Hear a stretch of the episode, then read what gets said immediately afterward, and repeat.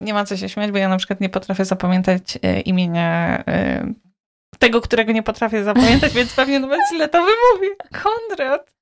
Dobrze, Dobrze. I w naszych Dobrze. mailach y, do jednego z panów, który zajmuje się opieką nad naszą stroną, Czyli mailujemy z nim często, musicie to wiedzieć. Notorycznie pisze jego imię z błędem, po czym pisze przepraszam. Dokładnie. Mało tego, ja, żeby napisać poprawnie to imię, to ja się patrzę na jego maila i ja źle piszę to imię. Jest. I nie jestem w stanie tego zapamiętać. Nie wiem, nie wiem, to jest zaćma, serio. Już nawet tak, że się staram, bo już mi głupio w pewnym momencie było przed człowiekiem, że... Boże. A chłop już nie reagował na to, już chłop się przyzwyczaił, że tak jest. Kondrat. No trudno, no trzeba brać się takimi, jakimi są, ja cię biorę Wiecie z tym. co? Ale ja, ja z tego co pamiętam, to mi się raz zdarzyło nawet przepraszać go. Yy, I znowu I źle znowu napisał. źle napisałam. To jest przecież... No nie, no masakra, no. Cześć, tu Ania i Zosia. Wspólnie tworzymy dla Was Akademię Płodności. Miejsce, w którym towarzyszymy Wam podczas starań. Myślałam, że zapomniałam po takim czasie, No właśnie, to już tak... patrzyłaś na mnie tak i się stresowałam, ale Nie, dobrze jest. jest. Dzień dobry. No, dzień dobry, witamy Was w kolejnym podcaście, e, akademikowym podcaście. Witam się z Wami Ania. I Zosia, który nagrywamy po przerwie. Także taki mamy powrót do przeszłości trochę. Miałyśmy przerwę y, związaną z życiem prywatnym, które mocno zawirowało, więc teraz wracamy. Ciekawe, kiedy wy będziecie tego podcastu słuchać. A temat na dzisiejszy podcast wziął nam się z DM-ów, z wiadomości waszych, w których coraz częściej padało pytanie o inseminację i związane z tym obawy, jakieś takie przemyślenia. Chciałyście wiedzieć, czego można się spodziewać. I pytałyście, jak wyglądały nasze inseminacje, co y, powiem Wam szczerze, że bardzo nas y, zdziwiło, bo właściwie to y, Wy wrzuciłyście tymi pytaniami y, temat tego podcastu. I chyba warto wspomnieć na początku jeszcze to, że jak będziemy opowiadać o swoich doświadczeniach, to musicie wiedzieć, że to są nasze doświadczenia sprzed lat. E, I to tak naprawdę sprzed lat, bo w sumie e, Anilusia już ma kilka lat. A Aniusia, a Anilusia się starała właśnie w, e, ze sprawą inseminacji, więc ty swoje przygody z nimi masz, Osiem lat temu. kurczę, kupę czasu. A ja w sumie musiałabym to policzyć, no ale Krysia już jest dwa lata na świecie, a my... Do inseminacji podchodziliście na początku. Dokładnie, dokładnie, dokładnie tak. Potem już był taki, mm, potem mieliśmy ten kryzys, gdzie w ogóle się nie staraliśmy, potem były starania naturalne, więc ja to tak myślę, że spokojnie 4 latka. Na pewno. Aczkolwiek ta inseminacja była takim dość ym, mocnym punktem w tych staraniach, gdzie się zarysowała na tej linii starań. Fajnie by było o tym porozmawiać, jakie były nasze oczekiwania, jakie myśli nam towarzyszyły podczas inseminacji, jakie pokładałyśmy w niej nadzieje. No i w ogóle trochę też jak wygląda ten zabieg, też sobie o tym powiemy. No, także zapraszamy. Zapraszamy. Może zaczniemy od tego, yy, czym właściwie jest inseminacja dla osób, które nie wiedzą. I inseminacja jest to taki zabieg. I powiem Wam troszkę tak łopatologicznie, ponieważ yy, super by było zapytać się o to lekarza Waszego prowadzącego, jeżeli zaproponuję Wam, jak to wygląda dokładnie. Inseminacja jest to zabieg, który ma na celu ułatwienie plemnikom yy, dotarcie do komórki jajowej. I y, proces polega na tym, że te plemniki są wyselekcjonowane z nasienia mężczyzny i wprowadzane bezpośrednio do jamy macicy. I ten zabieg może być y, wykonany na naturalnym cyklu bądź na cyklu stymulowanym. Dokładnie. E, Ja pamiętam, bo ty mówisz, że one są wyselekcjonowane, to prawda, a pamiętam jak moja pani doktor używała takiego określenia, że oni jeszcze je dożywią. Jakąś tam fruktozą chyba, czy czymś tam, że albo one były bardziej ruchliwe. Pamiętam, że też ogromne w tym pokładałam nadzieję, że super, że one będą w ogóle takie turbo już te plemniki, takie nie dość, że najlepsze, to jeszcze odżywione. Bo to, to, to chyba tak jest, że one są te, te najlepsze zostają i ja pamiętam, że też cieszyłam się, bo, yy, bo myślałam sobie, kurczę, to zawsze jest te mm, kilkanaście procent, tak powiedział mi mój lekarz wtedy, yy, kilkanaście procent i no teraz to już na pewno, jak doszliśmy do tej inseminacji, to, to będzie złoty, złoty, że tak powiem, yy, strzał. No właśnie, a kiedy doszliście? To nie było pierwszy, pierwszy jakby wybór e, leczenia, no nie? Najpierw były starania naturalne, ale ta inseminacja się pojawiła dosyć szybko na liście. Mm, właściwie to nie, bo pojawiła się na samym końcu. Na samym końcu, właściwie na samym końcu. Trafiliśmy do kliniki leczenia niepłodności. I tam po cyklach naturalnych, nieudanych, stymulowanych, mm, lekarz zaproponował nam inseminację, na którą trochę już liczyłam, bo czytałam o niej, prawda? I ja już pokładałam w niej nadzieję i bardzo chciałam nawet od razu, żeby, żebyśmy przeszli do tej inseminacji. Zaproponował nam sześć inseminacji. I taki był jakby jego... Sześć inseminacji, tak. tak? I że jeśli one nie wyjdą, to dopiero następne kroki. Na, następnym krokiem było już in vitro. Mhm. I, I też nam to zaproponował, jakby przedstawiając cały proces, y, co on jest nam w stanie zaoferować. Oczywiście po drodze były cykle y, jakby odpuszczone ze względu na to, że było, y, była sprawdzona drożność, więc nie podchodziliśmy do inseminacji. Ale tak, no w klinice podliliśmy Właśnie inseminacja to był też taki punkt zwrotny, bo uznaliśmy, że y, zrobimy sobie inseminację, zrobimy sobie. Jakby podejdziemy do inseminacji i po tej inseminacji byliśmy jakby na momencie, w, w momencie, w którym podchodziliśmy, byliśmy tak już przyczołgani przez starania, że chcieliśmy odwalić te sześć cykli i mieć spokój i dać sobie spokój na jakiś czas i odpocząć od tego wszystkiego, bo byliśmy już prze, przeczołgani. Aczkolwiek pokładałam ogromne nadzieje w tej inseminacji, czytając też historię dziewczyn, że, że ta inseminacja, że te plemniki są takie wyselekcjonowane, że to będzie w ogóle od razu do jamy macicy, przecież tam jest komórka, no to one się nie pogubią tam w międzyczasie. Eee, bardzo się cieszyłam, że podchodzimy do niej. A u ciebie, Zosiu, jak było? I pamiętam też, że no, no nie na początku, bo my bardzo długo próbowaliśmy naturalnie. Ale pamiętam, że przy taki moment, pamiętam jak to pani doktor powiedziała, że jest, że zbliża się jesień. To jest bardzo dobry moment do zachodzenia w ciąży, pani Zosiu. To też sobie wryłam w mózg po prostu tak, że pamiętam do dzisiaj. I że y, warto spróbować. I ja się zapytałam, pamiętam też, że y, no, że spoko, jakby jestem otwarta na to, no bo chciałabym robić jakby coraz więcej, skoro przez tyle czasu nie wychodzi. Ale czy to jest tak, że to jakoś tak drastycznie zwiększa nasze szanse, że to, czy ja już właśnie, wiecie, tak może w kontekście tego, czy mogę sobie już robić nadzieję, że to wyjdzie? I pamiętam, że ona powiedziała, że trochę, że to jest te kilka procent. No ale zawsze przecież już się usrałam tak tych kilku procent, że to na pewno jest te kilka procent, których nam brakuje. I też sobie to tak wyobrażałam, że, że może to to, może coś tam w tej szyjce, że one nie przychodzą dalej, że może to tyło zgięcie macicy, bo ja mam tyło zgięcie. Że to może pewnie to i że to pewnie wyjdzie, no. Także tak, my co prawda, ja mam ze sobą tylko jedną inseminację, yy, która nie wyszła. Yy, moja była nieudana, ta jedna pierwsza próba. Ona była na cyklu stymulowanym. W ogóle większość moich cykli, te, które były pod opieką kliniki leczenia niepłodności, to były cykle stymulowane, bo ja nie miałam sama z siebie tej owulacji.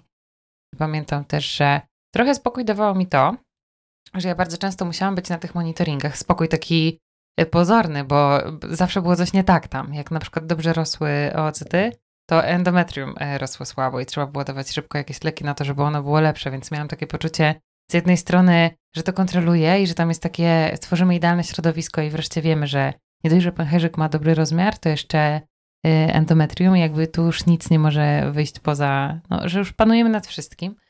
A z drugiej strony miałam taki mega stres w związku z tym, nie? Bo z jednej strony widziałam, że pęcherzyk się już zbliża do takiego rozmiaru, że już za kilka dni będzie ready, a tu endometrium jeszcze totalnie go nie dogoniło, nie? Swoim rozmiarem, więc miałam takie, kurna, nie, znowu, a może się nie uda.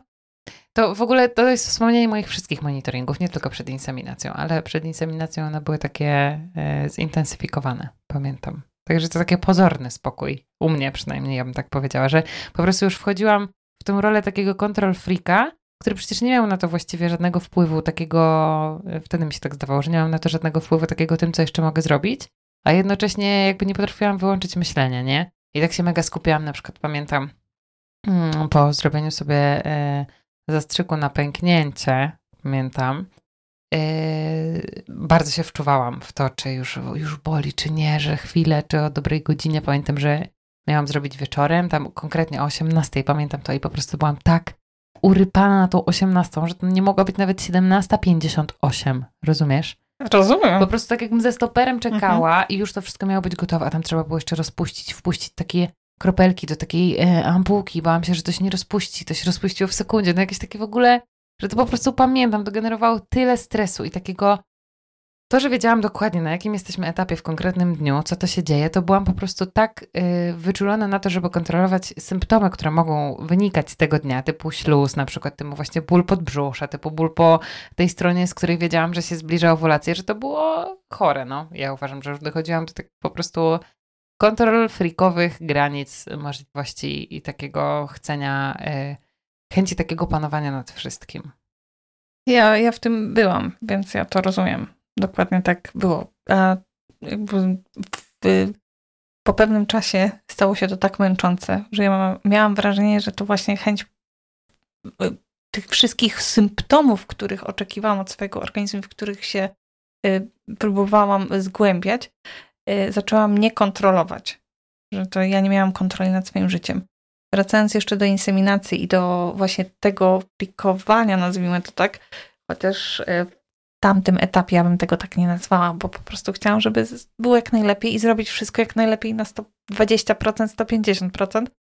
Ym, pilnowałam również godzin i pamiętam te godziny, jak wyliczałam sobie, że pęcherzyk y, pęknie za tyle i tyle, a tutaj mamy przerwę, a tu musimy dojechać, a czy ta inseminacja będzie przed pęknięciem, po pęknięciu, a czy nie za bardzo po tym pęknięciu była ta inseminacja, bo różne były jakby te inseminacje. Raz było na niepękniętym, raz było na pękniętym, raz było za bardzo na pękniętym. Miałam wrażenie, aczkolwiek no, ufałam swojemu lekarzowi, że wie, co robi.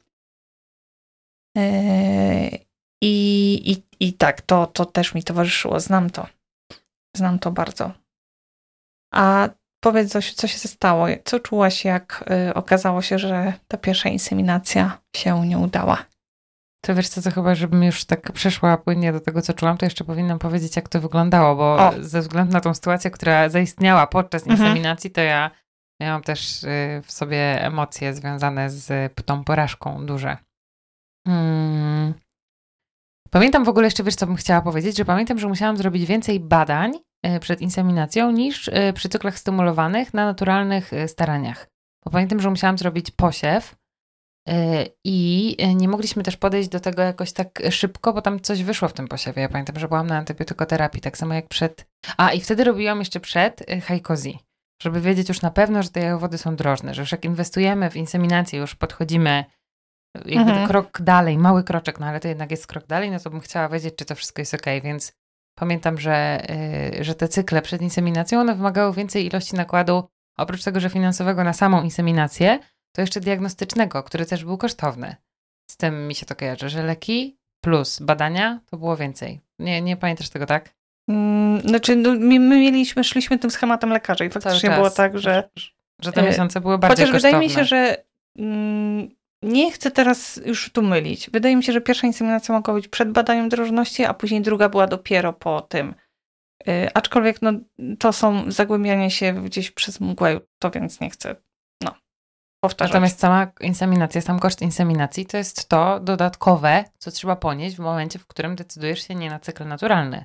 Tak. To jest zawsze dodatkowo droższy. Tak? No tak, to jest kilka stów. Nie wiem teraz, ile kosztuje inseminacja, e, ale na, na, tamte, na tamte czasy, że tak powiem, pamiętam, że to było cały cykl, e, łącznie z gonadotropinami, z dojazdami, kosztował nas 2000 e, chyba 500 zł.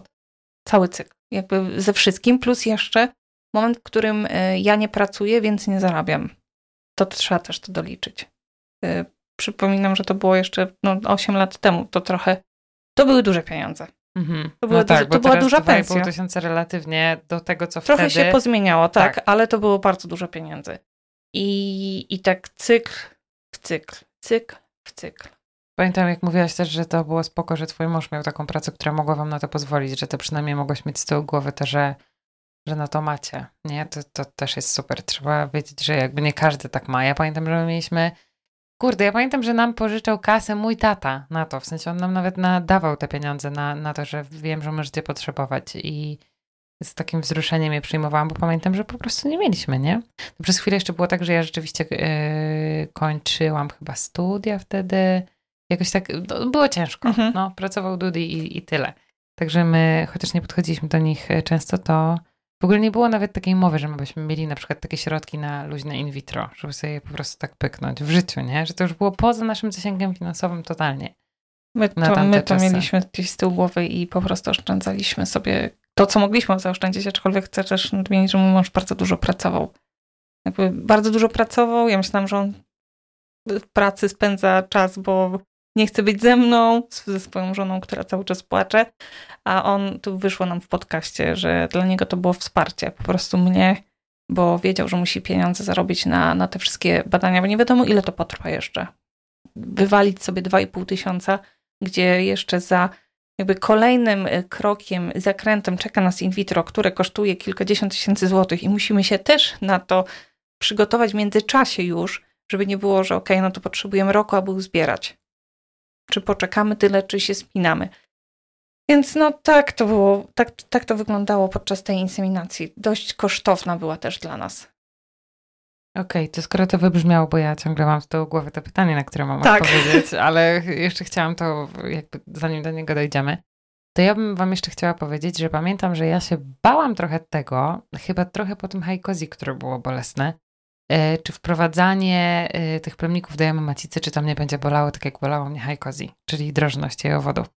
I pamiętam też, że pytałam pani doktor i ona powiedziała, że no nie, nie powinno być, no nie powinno być nieprzyjemne. Ale pamiętam też, że tak mnie pocieszał pan doktor, który miał mi robić hajkozi, więc miałam takie, kurde, trzeba będzie pewnie zagryźć zęby znowu na te kilka minut takiego ostrego bólu, a nie bolało mnie wcale. Ty pamiętasz, że cię bolało? Nie, nie pamiętam, bolało. ja w ogóle nie znam momentu. Czekałam w takim spięciu, że kiedy to będzie już, a w ogóle nie poczułam, nie? Y, chcę Wam opowiedzieć o sytuacji, która miała miejsce już w gabinecie zabiegowym, kiedy już zostałam poproszona na fotel, kiedy już wiedzieliśmy, że endometrium jest super, że owulacja się zbliża. Ja już sobie zrobiłam ten zastrzyk i już tylko po prostu podać y, plemniki i czekać na y, zrobienie testu ciążowego. Mm, przy tym zabiegu asystowała pani doktor, pielęgniarka, która pewnie miała jej to wszystko podawać, nie, nie pamiętam, chyba tak. No w każdym razie była i jak weszła do tego pokoju, to założyła sobie rękawiczki i sięgnęła do pudełka E, jednego i drugiego, tak jakby. I z jednego wyjęła rękawiczkę niebieską, z drugiego wyjęła rękawiczkę różową.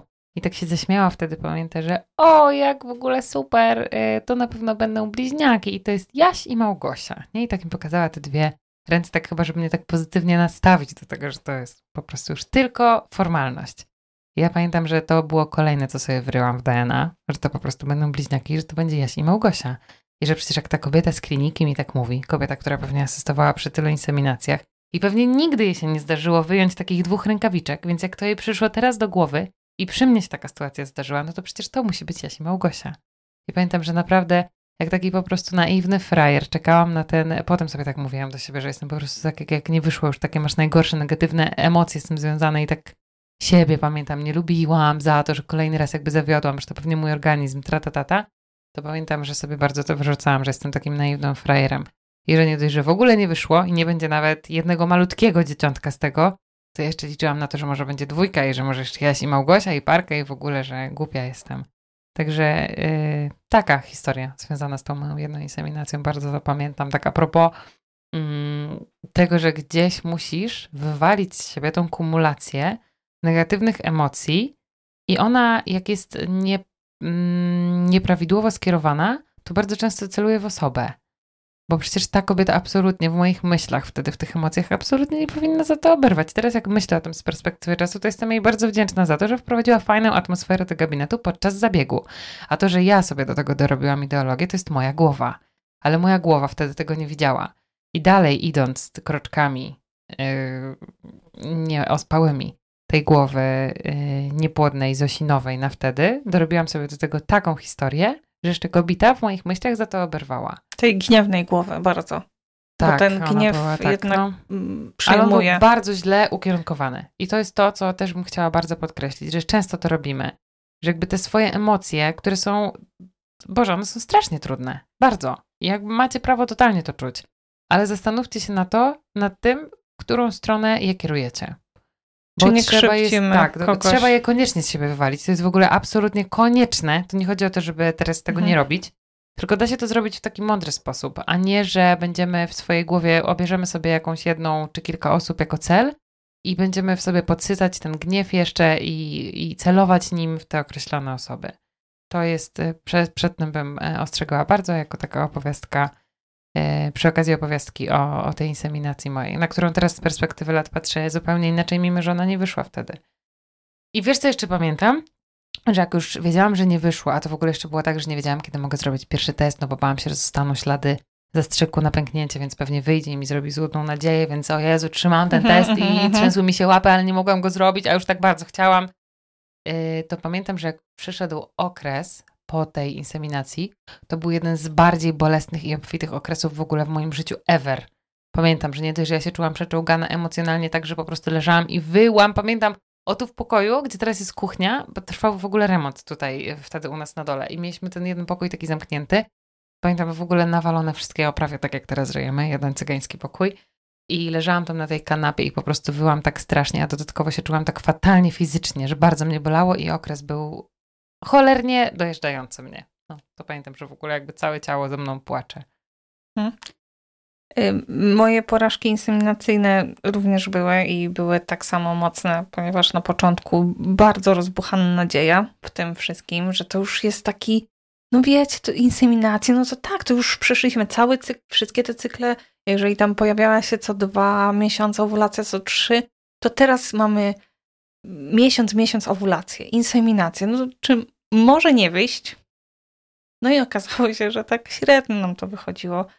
E, I przy e, już, e, tak powiedziałabym, ostatecznych inseminacjach, które były ustalone z naszym lekarzem, właściwie to już miała być ostatnia inseminacja, w której my, my chcieliśmy odpocząć. Byliśmy już przeczołgani, byliśmy już pod ścianą. Wtedy też właściwie znalazłam, właśnie czekając na inseminację, trafiło mi w ręce, trafił mi w ręce artykuł odnośnie diety przy, u kobiet z PCOS dokładnie wtedy czekając, y, czekając na y, inseminację, y, trafiłam na, na ten artykuł i to właśnie wtedy, po jednej z tych nieudanych, zaczęłam stosować dietę. Teraz sobie myślę właściwie, że może po to były właśnie te nieudane inseminacje, bo jakby wszystko to, co działo się w moim życiu, jakby końcowa droga jest tu, że siedzimy i nagrywamy podcast moja droga. No może. O matko, jakie to deep. Rzeczywiście. E, ale trafiając na ten artykuł, e, który w tamtym momencie już taką rozbujał we mnie nadzieję kon, kon, kolejną i pomyślałam sobie, jeju, dobra, to te inseminacje się nie udają, my jesteśmy i tak pod ścianą i tak to się nie udaje. To może ja tą dietę chociaż jeszcze sobie wprowadzę, już żeby tak mieć pewność i mieć do siebie y, też taki, taki spokój, czuć, że my zrobiliśmy naprawdę wszystko. My stanęliśmy na głowie. Ja wstawałam rano, jechałam na, na, na, na te monitoringi y, pociągiem. Wiecie, no to jest wszystko full. Zostało zrobione full i ja już nie mogę sobie nic powiedzieć. I ja już nie mogę sobie nic do siebie się przyczepić, że coś tam było nie tak, że można było lepiej, że można było. Wiecie, to też szło właśnie, jak wcześniej wspominałyśmy, finansowe obciążenie spore. Ja już chciałam tak na 100%. No to yy, zaczęłam stosować tę dietę na PCOS na tyle, ile znalazłam informacji, a było ich bardzo niewiele. Naprawdę bardzo, bardzo niewiele. Yy, I w tym momencie uważam, że yy, to, z czego obecne y, osoby starające się o dziecko mogą korzystać i jak te diety wyglądają, to jest naprawdę niebo a ziemia. Wtedy co, to, co było i co tam wyczytałam w tych, w tych artykułach. Y, I weszła ta dieta. No i tak się ta właściwie historia, którą już wiele razy, wiele razy się nią dzieliłam z wami, e, się zaczęła, bo na tej diecie zmniejszył mi lekarz, co było bardzo dziwne, ilość gonadotropin, które jednak mieliśmy porównanie przy poprzednich cyklach, ile ich szło, co okazywało się, że nawet te część leków zostawała mi na kolejny cykl, żeby to większe ilości, co zmniejszyło mi ilość y, też wydawanych dawek na tego nadotropiny. No i endometrium ładnie urosło mm, na, na, na tej diecie, co też o co walczyliśmy również lekami i się nie udawało, bo to było takie naprawdę kilka milimetrów. I ja sobie będąc na tej diecie byłam, ale też tak jako właśnie dojście do ściany. Zrobimy tą dietę, zrobimy tę inseminację, kończymy, dziękujemy, robimy sobie przerwę, może gdzieś pojedziemy z moim mężem i szykujemy się do yy, in vitro. No i nie pojechaliście. No i Właściwie pojechaliśmy, no. Tylko, Ale już byłaś w ciąży. tylko byłam w ciąży. Już było, było troszkę żyganka, troszkę oglądania pięknych widoków. No już było, tak, dokładnie, pojechaliśmy, bo my mieliśmy wszystko zaklepane, właśnie my chcieliśmy uciec. E, A okazało się, że, że ta ostatnia inseminacja się udała.